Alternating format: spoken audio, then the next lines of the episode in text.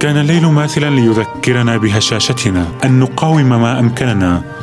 ألا نسقط؟ أن نوصد الأبواب. كل الأبواب أن نتصلب أن نفرغ أذهاننا من الماضي أن ننظفها. ألا ننظر إلى الوراء وأن نتعلم. ألا نتذكر. فالتذكر هو الموت.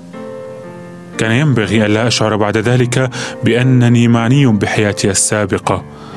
حتى لو جاءت الصور والعبارات إلى ليلي وراحت تحوم من حولي فالمفترض بي أن أطردها أن أزجرها لأني ما عدت قادرا على التعرف عليها.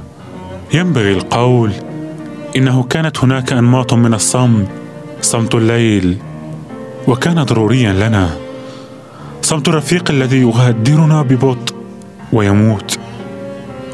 الصمت الذي نلزمه شارة حداد صمت الدم الذي يجري متباطئا صمت الصور التي تلح وتلح على أذهاننا صمت ظل الذكريات المحترقة صمت السماء الداكنة التي لا تكاد تهدينا ولو بعلامة واحدة صمت الغياب غياب الحياة الباهر.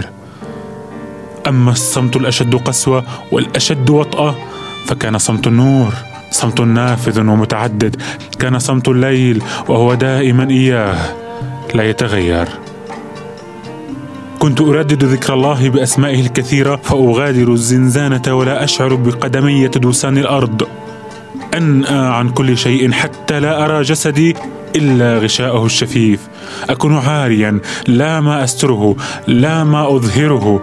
ومن كنف تلك العتمات يتبدى لي الحق بنوره الساطع. لا أكون شيئا. حبة حنطه في مطحنة هائلة تدور على مهل وتسحقنا واحدا تلو الآخر فتعاودني صوره النور وأسمعني مرددا. ظلمات بعضها فوق بعض إذا أخرج يده لم يكد يراها. تأملت وأدركت ربما اتخيله لكني أقنع نفسي بأني ابصره كان الصمت دربا. سبيلا أذكره لكي أرجع إلى ذاتي. كنت الصمت أحتفي به في ذلك المنعزل الضيق الذي تفوح منه رائحة العفن.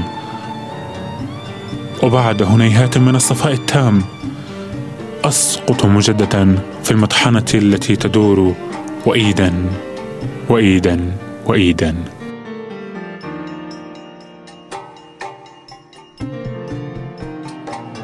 التذكر هو